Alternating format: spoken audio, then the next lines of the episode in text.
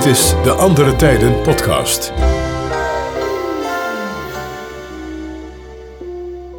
Willem Holleder is de beroemdste crimineel van Nederland. Hij is vooral bekend van de ontvoering van biermagnaat Heineken in 1983. Wat minder bekend is, is de bizarre afwikkeling na deze ontvoering, waarbij de twee hoofdverdachten, Holleder en zijn maat Van Hout, een krankzinnige reis aflegden via hotels en palmstranden op de Cariben. Waarom belanden zij niet meteen in de Nederlandse gevangenis? Heineken en Doderer werden op de avond van de 9 november door drie gewapende mannen ontvoerd. Ze zaten ieder afzonderlijk in een speciaal geconstrueerde isoleercel, geketend aan kettingen. De politie zette een grootscheepse actie op touw en al snel werden diverse arrestaties verricht. Drie verdachten zijn inmiddels veroordeeld tot 12 jaar gevangenisstraf. Maar de twee hoofdverdachten, Van Hout en Holleder... die worden beschouwd als het brein achter de ontvoering... zijn nog steeds voortvluchtig. Na drie maanden worden ze dan toch gearresteerd in Hartje, Parijs. Correspondent in Frankrijk, Philippe Freriks, doet verslag. De twee ontvoerders zijn vanochtend rond kwart voor twaalf gearresteerd hier in de Rue de Penthièvre in het 8e arrondissement, dat wil zeggen midden in Parijs. Frits Korthals-Altus, in 1984 minister van Justitie, herinnert het zich nog goed. Het zal me direct zijn gemeld, daar ben ik wel zeker van. Want uh, we waren natuurlijk bijzonder opgebrand om die mensen in handen te krijgen en om ze hier voor de rechter te kunnen krijgen. Want er was afgeperst, uh, er was uh, ontvoering in het spel, maar er was ook gedreigd met de dood als er niet betaald zou worden. Nou ja, daarna worden de heren overgebracht naar, deze, naar dit gezellige onderkomen. Dit is de Santé-gevangenis, de beroemdste gevangenis van Frankrijk zou je wel kunnen zeggen. Kobi de Jong Dunant, in 1984 advocaat in Parijs, krijgt een telefoontje. Ik uh, werd gebeld een paar dagen daarna of twee dagen daarna door iemand uit uh, Nederland, een confrère. Die vroeg of ik iets voor uh, de heren, in ieder geval voor de heer Holleder, kon betekenen. En eerste reflex als advocaat is dat je gaat kijken of de, het uitleveringsverdrag uh, toestaat om de mensen uit te leveren waarvoor ze worden gevraagd. En wat blijkt? Het uitleveringsverdrag tussen Nederland en Frankrijk stamt uit 1895 en daarin komt het woord ontvoering niet voor. Voor dat misdrijf kunnen de twee mannen dus niet uitgeleverd worden, alleen voor bedreiging. Maar dat zou een straf zijn van maar vier jaar. Veel te laag. De Nederlandse justitie wil dat ze een veel hogere straf krijgen. En uh, daarmee zaten wij dus met een probleem. En op dat moment ging het er dus om, nu moeten we verder onderhandelen. En verder wat de uitlevering zelf betreft, tijd rekken. Holleder en Van Hout hopen op een snelle uitlevering. Dan krijgen ze slechts vier jaar gevangenisstraf. Maar Nederland trekt tot ieders verbazing het verzoek tot uitlevering in. Dus ik was verrast dat Nederland het introk, want dat had voor Frankrijk ook een gevolg dat de twee heren hier niets hadden misdaan. Dus ze konden hier ook niet uh, in de gevangenis blijven zitten en moesten vrijgelaten worden.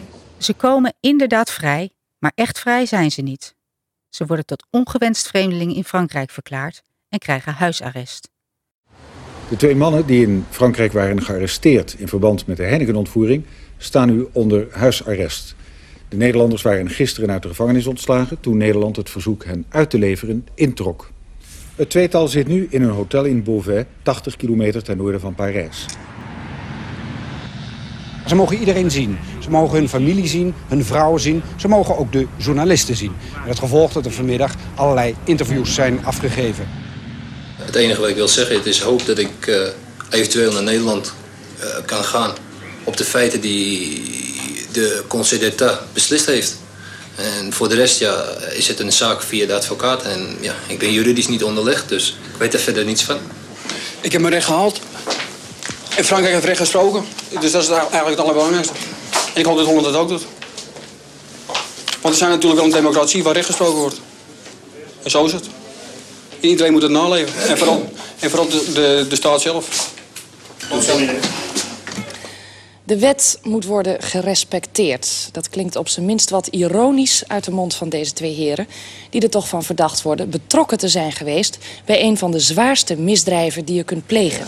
Als jullie nu even naar buiten gaan... In Katwijk heeft biermagnaat Heineken zelf inmiddels een privé beveiligingsbedrijf opgericht. Geleid door de voormalig commandant van het arrestatieteam in Amsterdam, Arjo de Jong.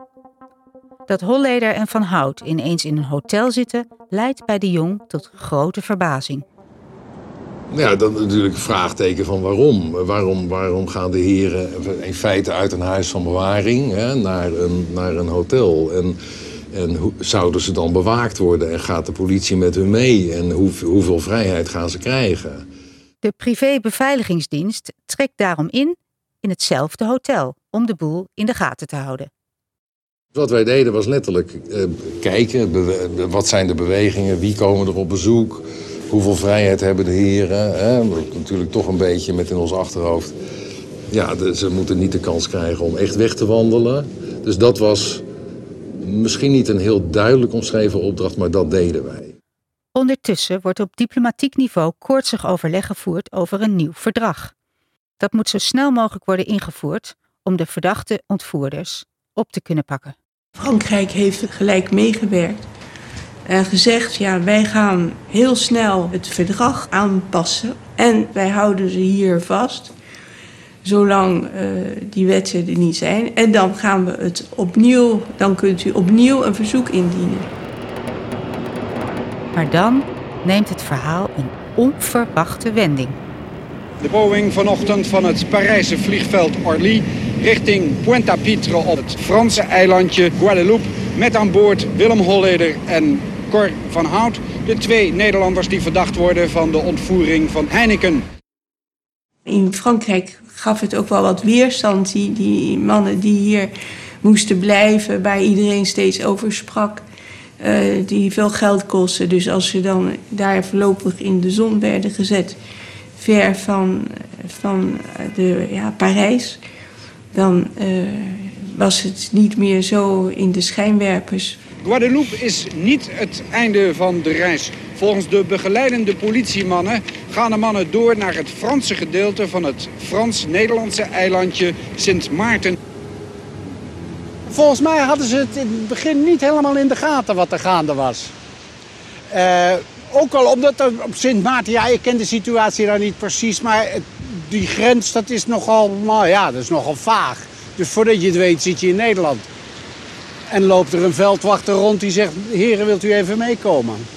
Nou ja, als zij op Nederlands grondgebied werden gearresteerd, dan hoefden ze niet meer uitgeleverd te worden. Dus dan konden ze gelijk voor uh, ja, alle feiten die ze zijn, werden verweten, werden aangehouden en teruggebracht worden naar Nederland. In Nederland wil Korthals Altus, koste wat het kost, voorkomen dat de mannen niet volgens de regels worden opgepakt. Dat brengt het risico met zich mee dat de zaak niet ontvankelijk wordt verklaard en de twee dus hun straf ontlopen. De autoriteiten worden gewaarschuwd om de mannen vooral niet toe te laten op het Nederlands-Antilliaanse deel van het eiland. Ze konden ons thuis niet luchten, maar dat hoefden ze lekker niet, want wij konden het luchten ontvluchten met een oud Franse wet in de hand. Een beetje slenteren in de zon, een tukkie doen op ons balkon, een potje kaarten. Heerlijk helder Sint Maarten. Ook de privéagenten van Heineken gaan naar het eiland. Er was natuurlijk nog steeds 8 miljoen zoek. Uh, dat was toch geld van de familie. Uh, en, en nog steeds speelde dat idee van wat, wat, wat gebeurt er allemaal? Waarom gaan die mannen naar dat eiland toe? Wat is de bedoeling van de Franse justitie? Uh, dus de, de, ook daar was de vraag weer, blijf, blijf maar in de buurt. De eilandbewoners pikken het niet. Zij willen niet de vuilnisbak van Frankrijk zijn. De mensen op het Franse deel van Sint Maarten dreigden de twee ontvoerders over de grens naar Nederlands gebied te zetten om daarmee hun arrestatie uit te lokken. In een rumoerige demonstratie werd het vertrek van de twee geëist. De wegen werden met vuilnis en autowrakken gebarricadeerd. Dat was niet gering wat er gebeurde. Totaal onverwacht wat ons betreft ook. Het was een hele bijzondere omstandigheid. Honderden mensen op straat, auto's die in de brand werden gestoken. Uh, uh, mensen die luidkeels schreeuwend over straat op zoek waren naar deze mannen en protesteerden tegen de Franse overheid. Een schreeuwende menigte wilde... De mannen moeten hals over kop wegvluchten van het eiland Sint Maarten. Na een dolle reis van vijf dagen was het tweetal terug in Parijs, waar ze angstvallig voor de camera's verborgen bleven. Ondertussen heeft Frankrijk het verdrag aangepast. De Franse Senaat neemt twee jaar na de arrestatie het nieuwe uitleveringsverdrag aan. Met dank aan Heineken.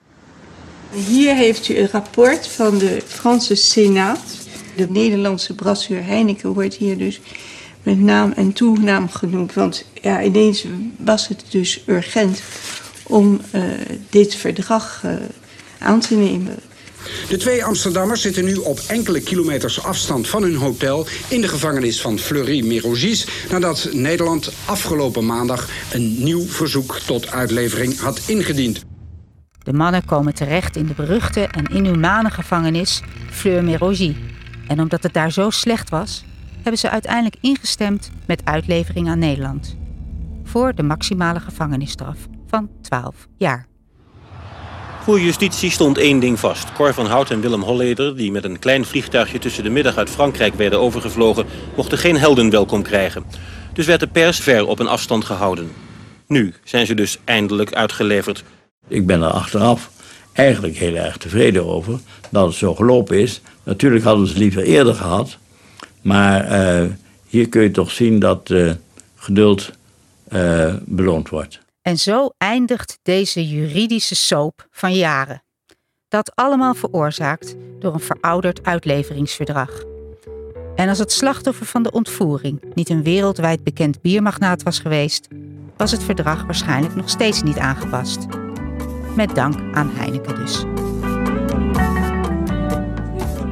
Dit was de Andere Tijden podcast. Vond je het leuk om te luisteren? Laat een review achter in je podcast-app